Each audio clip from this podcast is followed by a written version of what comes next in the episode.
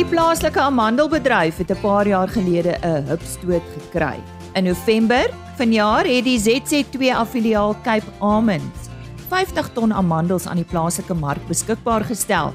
Dan Kutse gesels vanoggend met ons hieroor en ook oor die nuutgestigte produsente organisasie. Een van die risiko's wat produsente daagliks moet bestuur is die klimaat.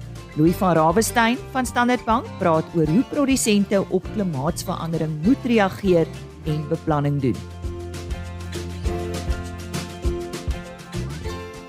Dis 'n RC landbou vir oggend. My naam is Lise Roberts. Goeiemôre. Ons het so tydjie gelede met Bertie Hamman van Standard Bank gesels oor risiko's vir produsente en klimaatsverandering is 'n wesenlike risiko. Vandag wil ons bietjie stil staan by klimaatsverandering en hoe produsente daarop moet reageer en ook beplanning doen. Ons gesels met Louis van Rawestein. Hy is groephoof van landbou by Standard Bank in Afrika. Môre Louis, herinner ons net weer wat is klimaatsverandering en watter impak het dit op ons produsente? Goeiemôre Lisa, goeiemôre luisteraars. En dankie vir die voorreg um, om met julle te gesels. Lisa, ek dink eerstens sal ons nooit al die aspekte rondom klimaatsverandering kan bespreek in so min tyd nie, maar dalk kan ons net op 'n paar tendense uitwys en dat ons op die voorgrond sien, net terloops om te wys hoe relevant hierdie um, aspek of onderwerp is is dat ek ek het die naweek gegaan na na na winkels toe en gaan kyk wat se landbou ehm um, tydskrifte is daar op die rakke vir die produsent en die boer en ek het drie tydskrifte sommer vinnig gekry en al drie het ten minste een artikel gehad wat oor klimaatsverandering gaan of die impak wat dit het, het op ons boere. So definitief baie relevant. Ehm um, so klimaatsverandering in kort is die verandering in weerspatrone oor 'n verlengde tydperk. Ehm um, en dit word direk gekoppel aan aardverwarming wat wat die toename van globale globale temperature is en wat dan weer lei tot verandering van reënvalpatrone, peste en siektes wat ons produsente beïnvloed. Ehm um, daar's vir my min twyfel dat klimaatsverandering oor die jare 'n impak het op veral produksie van primêre landbou en en as ek sien hoe dit verhoogde koste inbring vir die produsente produksieverliese veroorsaak en um, die veldkwaliteit en um, weidingskapasiteit wat wat ook verswak. Maar as daar een aspek is wat ek dalk net vir luisteraars kan uitwys vir my die groot bekommernis is is die risiko rondom water waterbeskikbaarheid toegang tot water en die kwaliteit van water. En net so interessantheid die die wêreldgesondheidsorganisasie voorspel dat teen 2025 die helfte van die wêreld se populasie sal lewe in waterskaars areas. En landbou soos ons weet is een van die grootste verbruikers van water. Dis baie relevante onderwerp wat direk met klimaatsverandering gekoppel is. En dan ons in Suid-Afrika lê in 'n hoë of Suider-Afrika lê in 'n hoë risikostreek val. So vir ons is water nog meer sensitief en nog meer belangrik. So kortom is dit hoekom produsente moet kennis neem rondom die impak van klimaatsverandering. Louis, wat is die grootste risiko's vir ons produsente wat deur klimaatsverandering veroorsaak word? Ehm Lisa daar's daar's twee hoofrisiko's waarna daar altyd verwys word. Hulle praat van fisiese risiko en en dan oorgangsrisiko. So jou fisiese risiko is die impak wat dit op produksie het. Die addisionele koste as gevolg van die peste en plaas soos genoem, bates wat beskadig word deur storms, ehm um, en weeromstandighede en die verandering in die in die groeiseisoenpatrone. Ons sien reenseisoene wat vroeër of later begin, midseisoen droë siklus reën gedurende oestye nou ook droogtes gedurende planttye. Die ander risiko is die oorgangsrisiko en ek dink min mense is besef van van die impak altyd um, of of die gewone luisteraar daar buite kan en dit is wat die verandering in die markomgewing. Dis regulasies wat verander, dis wetgewing wat verander, dit ingestel word deur regerings en invoerders, dis soos belastings en invoertariewe wat ingeplaas word of invoer ehm um, versoeke wat die invoerders dan vra waar jy moet voldoen wat dan ons produsente beïnvloed. Maar maar daar is nog altyd, ek dink iets ons almal weet is daar's nog altyd vloede, oorstromings en droogtes wat landbouprodusente moet bestuur, maar die belangrike punt is dat ons sien dit nou meer gereeld en ons sien dit meer drasties. En ek dink dis belangrik, meer gereeld en meer drasties en dis die verandering wat hierdie klimaatsverandering inbring. Voorbeelde wat ons sien is ehm um, die die vloede in Natal en die Vrystaat in in 2021 wat wat so erg was, die erge droogtes in die Noord eh, ehm um, Noord-Kaap ehm um, en die Wes-Kaap en nou nog in die Oos-Kaap, die droogte wat daar aangaan. En dan op die res van die kontinent, as ek 'n bietjie breër kan kyk, noord van die Limpopo sien ons ongekende weeromstandighede. Uh, onlangs met met met kliënte van ons gepraat, ehm um, uh wat wat haal in in Namibië op die Oranje rivier wat dit nooit haal nie. Twee, drie generasie familie wat daar boer wat nou die eerste keer gehaal het in daai omgewing. Verwoestende vloede wat ons sien in Nigerië, um, gereelde siklone in Mosambiek, maar dit word net erger en van daai siklone brei uit. Dit gaan tot in Zimbabwe en tot in Malawi. En dan sien ons erge aanhoudende droogtes in in plekke soos Kenia en Suid-Sudan en so aan wat wat ook dan gepaard gaan met ander plaae soos die die die die springkantplant so aan. So Lisa, dis duidelik dat daar verhoogde risiko is um, vir ons produsente as gevolg van klimaatsverandering. Louw gee vir ons raad, hoe kan boere reageer op die risiko's? Watter besluite kan hulle neem en watter boerderypraktyke kan hulle implementeer om hierdie risiko's te verminder en natuurlik beter te bestuur? Dankie, dankie Lisa. Vir my gaan dit oor die aanpasbaarheid um, en die vermindering van jou risiko's. Die die waarheid is dat dat produsente soos gesê in Suid-Afrika reeds hierdie aanpassing gemaak het oor die jare maar nie noodwendig om hulle koolstofvoetspoor te verminder nie, maar maar om meer doeltreffend en produktief te boer en meer bewaringsbewus te wees en en dan hul beperkte hulpbronne meer effektief te gebruik. Ehm um, daar studies wat gebaseer is op die laaste 35 jaar se landboustatistieke in Suid-Afrika wat dan wys dat konvensionele landboustelselmatig die wedren verloor teen stygende koste. So ons moet verandering maak as die as mens dan vra wat kan die produsent doen? Dan dan dink ons aan holistiese grondgebruik, eh, regeneratiewe en bewaringslandboupraktyke wat wat aktiwiteit aktiwiteite insluit soos minimum of geen til, gewasrotasies en wisselbou, eh, bedekkingsgewasse gebruik, integrasie van lewende hawe en die verhoging van biodiversiteit, klimaatsbestuurstegnieke soos skadunette, kweekhuise gebruik waterstelsels soos drupbesproeiing gebruik, um, presisieboerderypraktyke en die gebruik van masjinerie en toerusting om meer effektief en doeltreffend te wees en dan ook sonkragopwekking en die gebruik van die son tot jou voordeel om met 'n paar tegnieke en praktyke te wys en dis hier waar ehm um, Standard Bank byvoorbeeld inkom en hierdie praktyke kan help finansier en adviseer op ons ons boere. Maar soos jy soos ek gesê het is ehm um, hierdie is nie nuut vir SA landbou nie en is al beproefde landboupraktyke wat oor tyd jou jou kosteprofiel sal verlaag, ehm um, grondgesondheid sal opbou en die veerkragtigheid van jou boerdery teen klimaatsverandering ehm um, kan verbeter. Kom ons gesels 'n bietjie verder oor uh tegnologie en innovering. Hoe kan dit produsente help om hulle risiko's te verminder? Net om 'n paar um, tendense uit te wys wat ons sien, ek ek dink dis nie nuut nie, maar ehm um, belangrikheid van genetika en verbeterde variëteite soos byvoorbeeld watter beesras aard die beste in sekere droogte toestande en gee die beste resultate, hulle gehardheid, hulle vrugbaarheid in in moeilike omstandighede en, ons sê altyd belê in, in top genetika. En dan is daar nuwe saadvariëteite teen droogtes en plantsiektes wat ook die heeltyd ehm um, ontwikkel word en in in in in ingespan word ehm um, deur die saadmaatskappye en deur die boere. Ander tendense wat ons sien is die gebruik van platforms of web of online markte vir die verkoop van jou produkte of die koop van jou insette. En daar is name soos Hello Choice en One Farm Share wat ons wat ons sien. Die platforms verbeter ehm um, die waardeketting. Dit gee toegang na alternatiewe markte uh met die oog op doeltreffendheid en ook om die vermorsing van oortollige voedsel te versprei na na na nodige mense toe kan kan ook gebruik word. Ander aspek is die belangrikheid van naspeurbaarheid of blokketting metodes. Um, in Engels praat hulle van traceability en blockchain wat meer bekend sal wees vir van die mense wat kan wys hoe en waar jou produksie plaasvind en dat daar 'n baie keer 'n pryspremie gevra kan word as daar lae koolstof boerderypraktyke toegepas word of meer volhoubare boerderypraktyke gebruik word. Ander metodes is hidroponika, ehm uh, produksiemetodes of hydroponics wat ook bekend staan waar daar in geboue geproduseer word waar die groeiomstandighede beter bestuur kan word en wat dan weer kan lei tot hoër produksie en hoër doeltreffendheid ehm um, in in in in in dorpe en stede.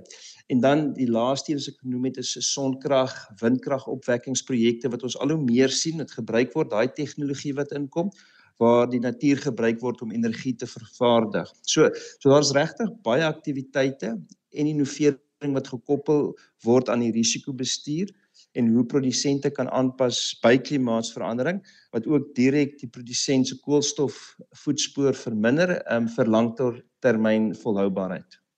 Dit was dan goeie raad vanaf Louis van Ravenstein. Hy is van Standard Bank. Vandag met ons gesels oor klimaatsverandering en hoe produsente daarop moet reageer en ook beplanning doen. Hy is groephoof van landbou vir Standard Bank in Afrika. Vir meer inligting, besoek standardbank.co.za.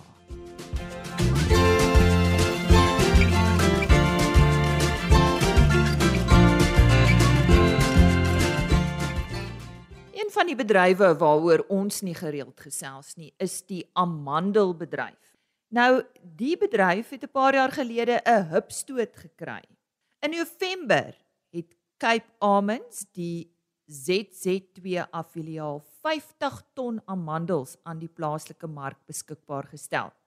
Ek gesels nou met Dan Pootse, die hoofuitvoerende beampte van Cape Almonds. Hy is ook die bemarkingsbestuurder van die Suid-Afrikaanse Amandel Assosiasie. Dan goeiemôre, verduidelik vir ons hoe Cape Almonds tot stand gekom het. Ja, goeiemôre Lize. Ehm Lize, ja, dis in 2014 ehm um, het 'n wêreldbekende teenvrugte teeler, ehm um, Zyger Genetics wat vanuit Kalifornië is, het vir ZZ2 genader en die getoets of hulle nie so belangstel om om amandels te plant nie. Nou 'n amandel is 'n tegnies is 'n amandel 'n steenvrug. So hy is die naaste verwant aan 'n perske en dis hoekom 'n steenvrugteler vir ZZ2 genader het. Ehm um, en toe ZZ2 ehm uh, dit was 'n lewensvatbaarheid studie gedoen. Ons het gekyk wat is die plaaslike behoefte, hoe lyk dit in die buiteland en gesien ehm um, met die plaas in die Wes-Kaap wat ons het, uh, gegee dat 'n amandel uh, 'n mediterrane klimaat benodig. Dis gegee dat dit 'n steenvrug is. Het um, met is lewensvatbaarheid studie gedoen en het te besluit om amandels te plant. Ehm um, ek dink wat spesifiek hierdie amandel ook uniek maak of hierdie kultivar uniek maak is dit is die eerste selfbestuivende kultivar in die wêreld. So met ander woorde, dit het nie baie nodig nie. So jy hoef nie kruisbestuivers te plant om jou hoofvariëteit lewensvatbaar te maak nie. So 'n produsent kan die uh, volle hektare waar hy wat hy aangewys het vir mandel om 'n mandel te plant kan hy ten volle benut sonder om kruisbestuivers tussenin te plant. En dan ook omdat die die die spesifieke amandelkultivar ook 'n lae koue behoefte het. So met ander woorde hy hoef nie hierdie ehm um, regtig beskikkelike koue te hê om dan nou elke jaar vir jou 'n uh, 'n goeie oes te kan lewer. Ek wil terugkom na iets wat jy gesê het. So 'n amandel is nie 'n neut nie. Tegnies nie, maar ons almal verbyster na 'n neut. Die die gedeelte van 'n amandel wat jy eet is tegnies die binnekant van 'n perskepit. So jy het jou buitekant se skibblare, dit breek jy af dan ehm um, het jy jou doppie en as jy hom dit is basies die buitekant van 'n perskepit en as jy hom oopbreek dan is dit jou jou kern of soos hulle sê jou kernel wat dan jou eetbare gedeelte van die die amandel is. So hoeveel produsente produseer vir julle en van hoeveel hektare praat ons dan? Kyk, dis so ons besigheid is in in twee gedeel. So ons het ons eie primêre produksie wat Cape Almonds Farming behels of se naam is Dit behels ehm um, dis ons plaas in Riebeek Wes. Ons het so 93 gevestigde hektare. Ehm um, en ons het nog die opsie om uit te brei. Ons gaan verseker uitbrei. Ons ons kapasiteit is so 250 hektaar. Ehm um, so dit is ons eie primêre produksie en dan het ons ons tweede been Escape Almond Services. Nou dit bedien ons gelisensieerde produsente omdat ons die alleenreg op hierdie kultivar gekry het van Zyger Genetics kan ons hierdie kan ons produsente subsilisensieer om dan ook amandels te plant en daarmee met dit gee ons vir hulle help ons hulle met die tegniese kennis, hulp met die oes sowel as die bemarking um, van die produk en as jy kyk Ek het nou gesê amandel behoort en ons gaan nou nou seker later op dit kom maar hy benodig 'n mediterrane klimaat. Met ander woorde die Wes-Kaap is uiters geskik vir die verbouing van amandels. So ons het ehm um, ons het so tot en tot en met hede so 650 hektaar in die grond wat ehm um, strek van Vredendal ehm um, Loetsville area al die pad af teen die Weskus af die Sandveld, die Breë rivier, die Bergrivier Robertson en dan Klein Karoo, Ladysmith, Karlitsdorp tot in Oudtshoorn. So ehm um, en ons het van produsente wat heidaglik in in produksie is, ehm um, is so is so 25 produsente, maar in ons groepering in die 700 hektaar is ons omtrent in omgewing van 40 tot 45 produsente. Nou goed, jy het genoem amandels hou van 'n mediterrane klimaat. Wat behels die produksie van amandels? Is dit maklik om te groei? Ja, ek dink is ek dink dis relatief maklik dit hang af wat jou verwysing is. Ehm um, en ten opsigte van ander landbou ehm um, bedrywighede. Ek dink as jy gewoond is aan 'n hoogs bederfbare produk, maar soos 'n bloubessie produsent of 'n tafeldrywe produsent of 'n sitrusprodusent of ander steenvrugte produsente, dan sal ek sê is amandels dalk nie so uitdagend soos soos 'n produk wat hoogs bederfbaar is nie in ons groepering het ons het ons produsente wat omdat dit 'n fantastiese produk is om mee te diversifiseer, gegee dat 'n sekere landbou kommoditeite bietjie onder druk is. Um, kry jy nog 'n staamlike wye spektrum van produsente uit verskillende velde en oorde wat ook aan handels plant, soos byvoorbeeld skaapboere, volstruisboere ensovoorts en ek dink ek dink vir so 'n produsent sal dit dalk 'n 'n groter uitdaging wees omdat dit heeltemal iets nuuts is as byvoorbeeld met 'n produsent wat met 'n hoogs verderfbare produk op klaar mee boer en baie intensief moet boer. So ons het gesê ja, so jy benodig 'n mediterrane klimaat, wat dit behels as jy het ehm um, warm somers, droë warm somers nodig en nat koue winters. En dan ook dit is relatief goedkoop om te vestig in vergelyking met ander kommoditeite aangesien jy nie ehm um, groot infrastruktuur nodig het in opsigte van pale en opleidingsstelsels ensovoorts nie. So die die groening van nou mandelbome is hy is relatief dors. So jy moet genoegsame water hê. Met dit het hy benodig ook baie goeie dreinering.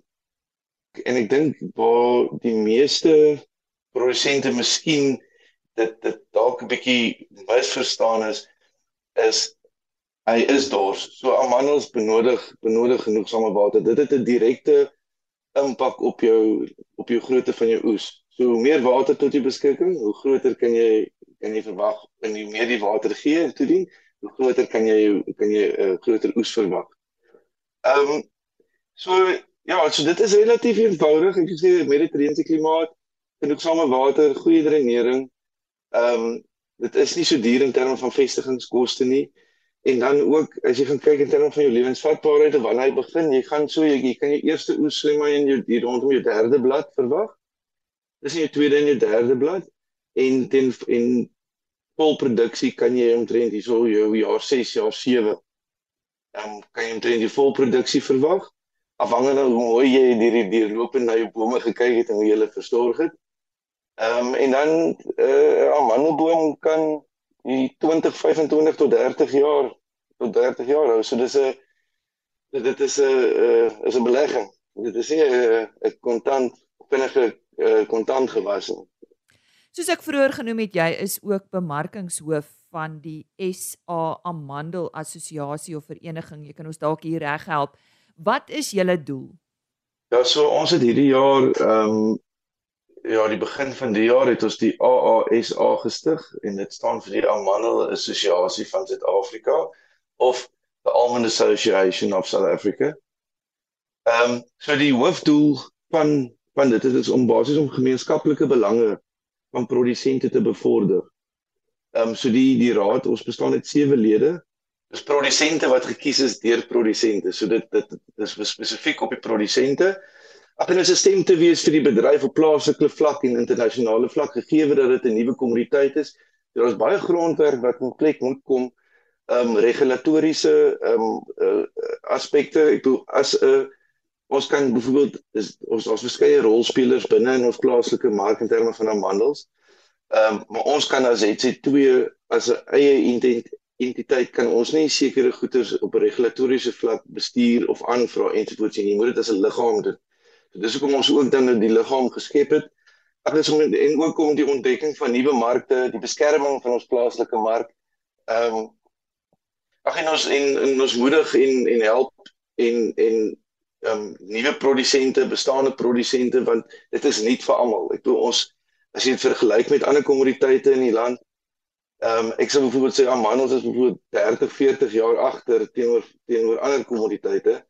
So daar's nie 'n dieptegang van kennis en studie in ons plaaslike omstandighede, plaaslike kondisies, plaaslike klimaat eie mikroklimaat ensovoorts. So ons is besig om die, die wiel nou te ontdek of die boeke te skryf vir amandels en en daarvoor het ons om hierdie bedryf um goed te vestig en mooi op sy been te kan bring.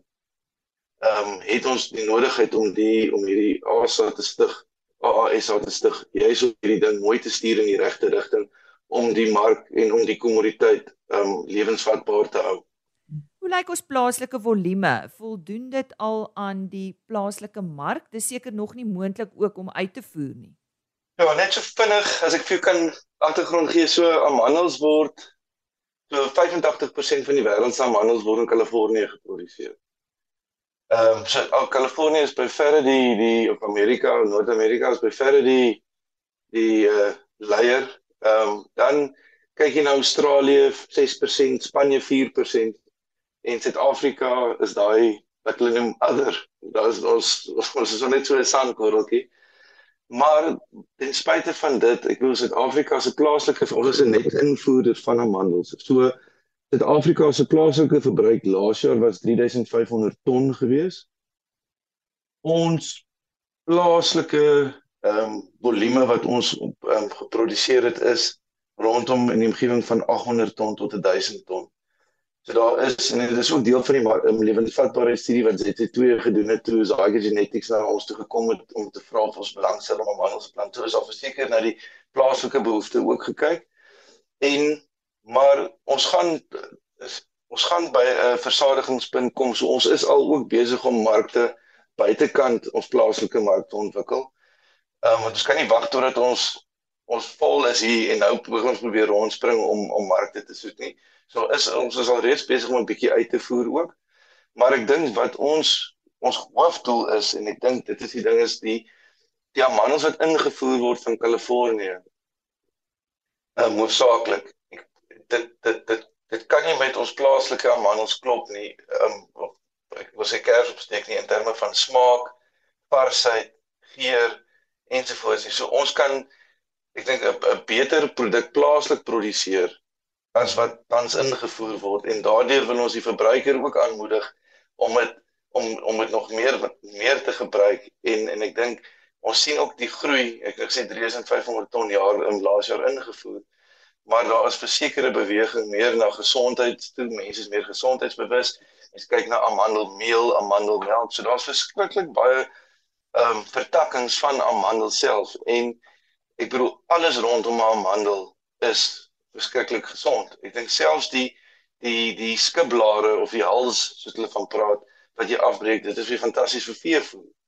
So jy kan letterlik alles van jou amandel um, benut en ehm um, selfs jou selfs jou gebreekte en jou gechipte amandels wat wat gebruik word vir mense wat in die gebak of mense wat um, nougat maak of 'n beskuit of 'n ja koeke. So letterlik dis nie 'n vruggie wat nou 'n bietjie 'n merk op het of gemisvormd is en nou kan hy nie meer ehm um, uitgevoer word argument en daarmee. Daar's letterlik vir elke aspek standaard graad amandel is daar 'n is daar 'n huis voor. En en ek dink dit is 'n fantastiese produk ehm um, vir produsente om mee te kan diversifiseer. Gegeewe ook ehm um, wat ons nou sien in terme van die hawens toe ons met die met die met die gebrek aan containers, ehm um, verskepingslyne wat wat traag is. En as ook gevolg van ook van die die die ehm um, ons probleem met elektrisiteit in ons land wat in terme van koue ketting ehm um, en en ek bedoel dit is nie goed waarmee ons op die oomblik dis nie ons ons het natuurlik het ons uitdagings.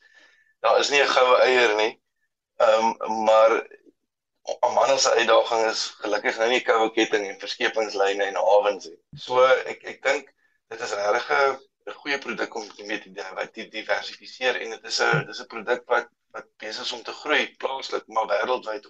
Om jy af te sluit Dan, baie dankie dat ons vandag met jou kan gesels. Kan ek as verbruiker vir 'n plaaslike produk vra wanneer ek amandels wil koop by byvoorbeeld 'n kleinhandelaar? Nee, dit is waartoe ons mik en dit is ons ons hoofdoel. Ongelukkig is ons nog te klein ons eie plaaslike produksie en ek verstaan van 'n 'n kettingwinkel of 'n retailer wat ehm um, versekerde lyne op sy winkelrakke het en ek wil jy wil mos nou 'n kontinuïteit van 'n produk kan bied. So ongelukkig mm, ehm um, die die die die amandels wat daar is plaaslik word baie keer ingemeng met ingevoerde produk. Ehm um, So ons is ongelukkig nog nie groot genoeg om sê nou maar uh 52 weke van die jaar 'n lyn binne in 'n 'n winkel te kan hê um wat wat 'n nou Suid-Afrikaans is nie. Maar wat ons gedoen het as HC2 is ons het hierdie jaar ons eie waarde begin toevoeg en ons het ons eie verpakking gemaak. Ons het 'n 100 gram verpakking, 'n 250 gram, 'n 500 gram en 'n kilogram verpakking wat in ons eie HC2 um branded um 'n verpakking is wat ons eie SA vlaggie op het. Ehm um, en ek wil amper sover gaan ek dink dit is amper ek dink kommersieel is dit die eerste regte 100% Suid-Afrikaanse mandel wat beskikbaar is om te koop. Dit word tans gebruik ons die die verspreidingsnetwerk om daai mandels te versprei gebruik ons HC2 se se se netwerk. So ons ons het hierdie jaar het ons dit ge um, bekend gestel op die nasionale varsproduktemarkte. So dit is heidaglik beskikbaar by Johannesburg, Kaapstad, Durban en Pretoria. Dis dan meer oor die plaaslike amandelbedryf. Ek het daar gesels met Dan Kutse, hy is hoofuitvoerende beampte van Cape Almonds en ook bemarkingsbestuurder van die SA Amandel Assosiasie. Dis dan vandag se program.